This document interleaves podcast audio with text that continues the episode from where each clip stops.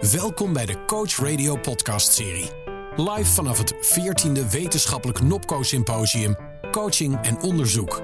Mijn naam is Arvid Buit en in deze aflevering interview ik Lara Sons.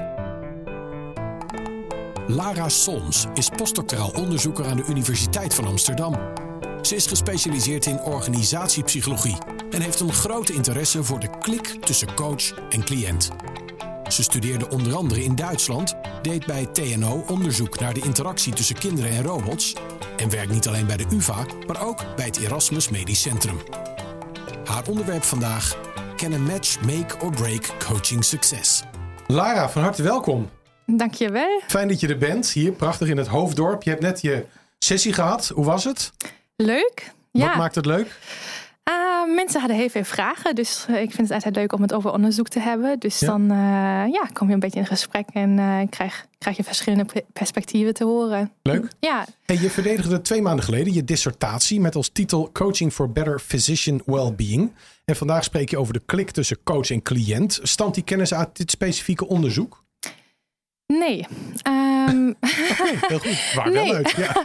ja, eh, mijn promotieonderzoek dat ging met name over eh, de effectiviteit van coaching. Ja. En het onderzoek wat ik vandaag heb eh, gepresenteerd, dat is een follow-up studie eigenlijk geweest. Maar die is al wel afgerond.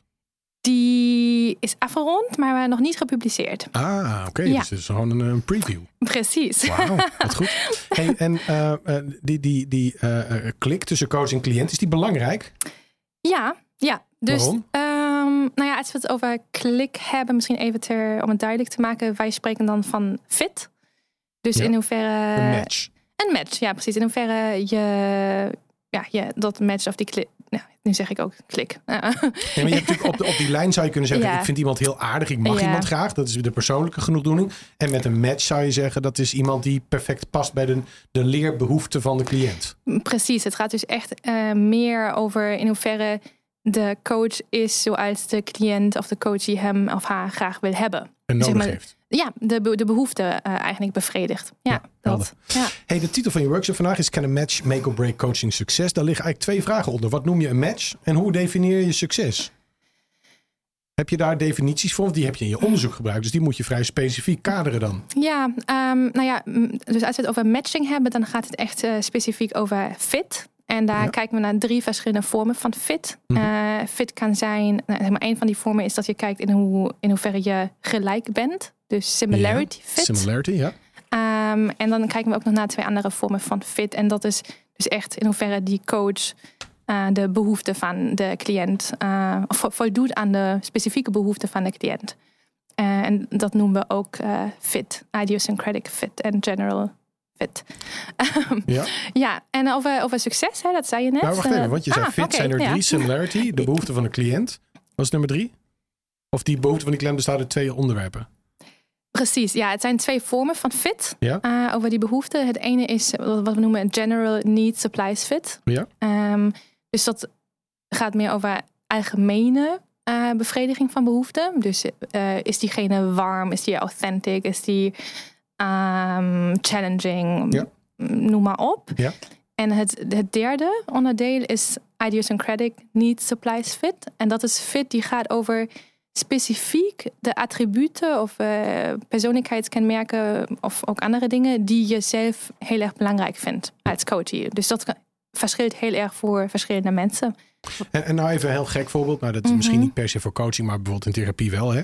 Die fit, die similarity, maar ook die behoefte van de cliënt. Stel, iemand heeft Mhm. anorexia. Ja, die vindt dat hij moet afvallen. Maar dat is natuurlijk niet per se wat diegene nodig heeft. Dus er kan een disbalans of een verschil zitten tussen wat iemand denkt nodig te hebben en wat hij feitelijk nodig heeft. Hoe, hoe ga je daarmee om binnen dat fit? Oeh, dat is een goede vraag. En dat is een- misschien een beetje een andere insteek over fit.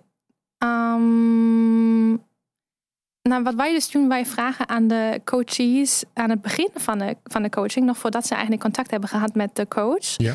Wat, wat is het wat je zoekt in een coach? Ja, precies. Eh, en dan meten we, nadat ze de coach hebben eh, ontmoet, een Ja. aantal sessies hebben gehad, dan meten we in hoeverre is die persoon, die coach, ook echt, of in hoeverre verwacht of nodig dat, ja, dat. check. Ja, zo, dat is een beetje. mhm. Hey, en ik vroeg naar match als dit en succes. Ja, succes. We kijken naar twee indicatoren van succes of effectiviteit. Dat is aan de ene kant uh, in hoeverre een coach zijn doelen behaalt, dus goal attainment. En de andere indicator van succes is uh, satisfaction, dus tevredenheid met het coachingstraject of uh, de uitkomst. Zitten ja. er vaak grote verschillen tussen? We zien wel dat het heel erg met elkaar uh, gelinkt is, mm gecorreleerd is. Maar we zien wel dat het, het is niet hetzelfde. Dus ja. Maar zijn er veel ja. mensen niet blij met iets wat wel heel succesvol is? Ik denk het niet, eerlijk gezegd. Maar Misschien andersom. Hè? Alleen omdat je tevreden bent met iets, dat maakt nog niet dat je ook je doelen behaalt. Dus het is niet hetzelfde en het hoeft niet. Nee, maar het is dus duidelijk gecorreleerd, zeg je. Het is, het is wel gecorreleerd, ja. Dat, ja. Hey, in, in jouw onderzoek uh, vond je ook dat sommige interventies van coaches adverse effects veroorzaken. Oftewel, schade. Of niet?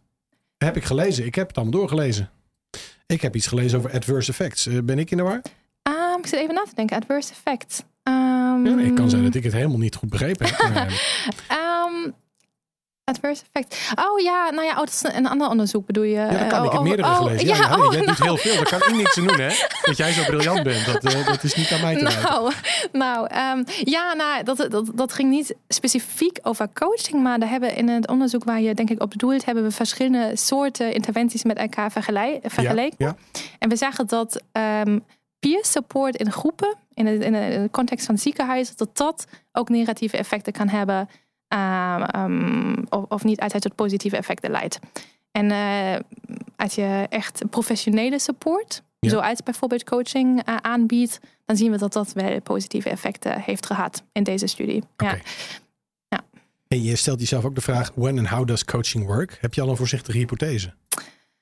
Oeh, ja, nou. Um, dat draait het allemaal om, denk ik, in jouw werk. Ja, dat draait het om. We zijn, maar het is wel een work in progress. Uh, de, het grote deel van mijn studies tot nu toe is uit, heeft altijd gedraaid om de effectiveness eigenlijk van coaching. Dus meer de vraag, werkt het? Mm -hmm. En nog niet zozeer, hoe werkt het? Daar zijn we nu met deze studie over matching en fit. Dat maar is je een hebt van toch de... een hypothese, je hebt toch al een gevoelstiekem erbij. Wat zou het kunnen zijn?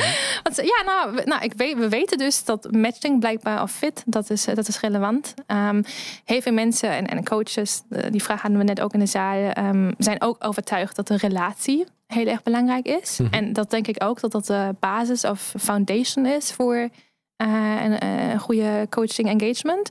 Maar ik denk altijd ook, er moet nog iets meer gebeuren dan dat. Dus ja, dat is een hele. Dat je stelt ook ja. in de vraag when and how does coaching work. Zit ja. ook de when-vraag. Hè? Ja. Is er urgentie? Heb je onderzocht of urgentie bijvoorbeeld noodzakelijk is? Dat hebben we niet onderzocht. Maar wat we zien is wel dat de coaches, uh, de, de artsen die coaching zoeken, of uh, um, uh, ja, um, ja, zoeken, of, of, of ja, hoe zeg je dat? Um, aannemen. Ja, ja, ja. um, dat zijn weer mensen die over het algemeen een behoefte of een, een coachvraag hebben. Dus je zou kunnen zeggen dat er urgency ligt, mm -hmm. uh, maar niet uitsluiten. Dus je maar de nieuwsgierigheid kan liggen onder een vraag, maar, maar verandering, mm -hmm. dat komt vaak voort uit urgentie. Dus, dus als je de vraag stelt, when does coaching work? Heeft dat puur te maken met diegene zelf? Of het moment dat hij eraan begint? Of mm -hmm. de externe druk, zou je ook nog kunnen denken, van de werkgever? Ja, ja.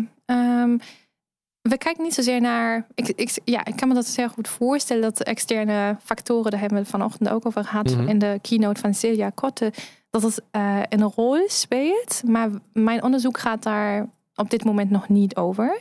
Maar we zien wel dat um, coaches die uh, een beetje aan een burn-out aanzitten of gestrest zijn, uh, over het algemeen lage hulpbronnen, zoals bijvoorbeeld lage support hebben, dat dat diegenen over het algemeen zijn die op zoek gaan naar een coach. Ja.